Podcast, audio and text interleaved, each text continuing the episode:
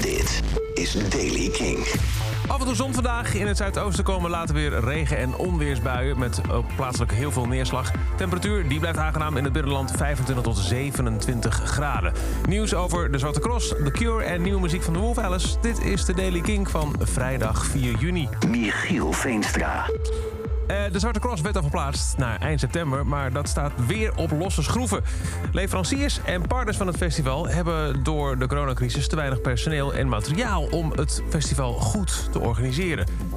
Ronnie Degen, hij is mededirecteur van de Feestfabriek in Hengelo... die het eh, festival organiseert, zegt dat er rekening moet worden gehouden met alle scenario's. Eén ervan is nog een jaar uitstellen, want de Zwarte Cross is helemaal uitverkocht... en je kunt het dus ook niet deels laten doorgaan. Het is alles of niks.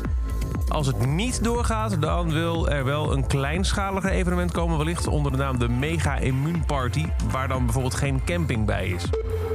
Robert Smith van The Cure komt met een solo noise album.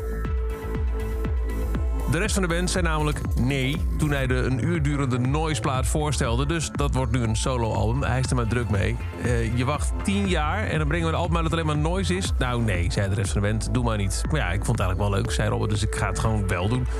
Maar wat wel komt zijn twee albums van The Cure. Die worden al een hele poos aangekondigd. En nu worden ze echt binnenkort bekendgemaakt. Hij zei gisteren in een interview... ik denk nog een week of zes, dan komt de aankondiging. Het gaat om twee tegenpolen als het gaat om de, om de sfeer. Eén is heel erg doom en somber en de ander juist niet. En dan Wolf Alice. Hun nieuwe album is vandaag uitgekomen... en daar hebben ze nog snel één single van uitgebracht. Het Fleetwood Mac-achtige How Can I Make It Okay.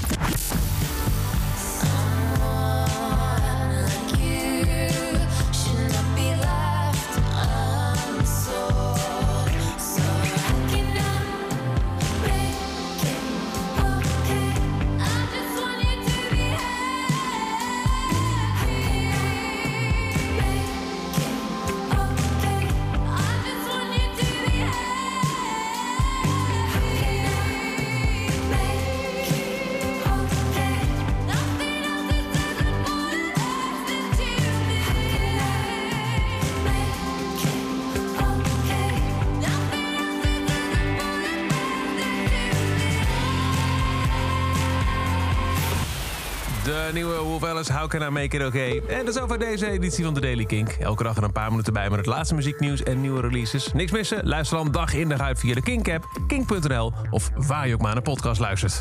Elke dag het laatste muzieknieuws en de belangrijkste releases in de Daily Kink. Check hem op kink.nl of vraag om Daily Kink aan je smart speaker.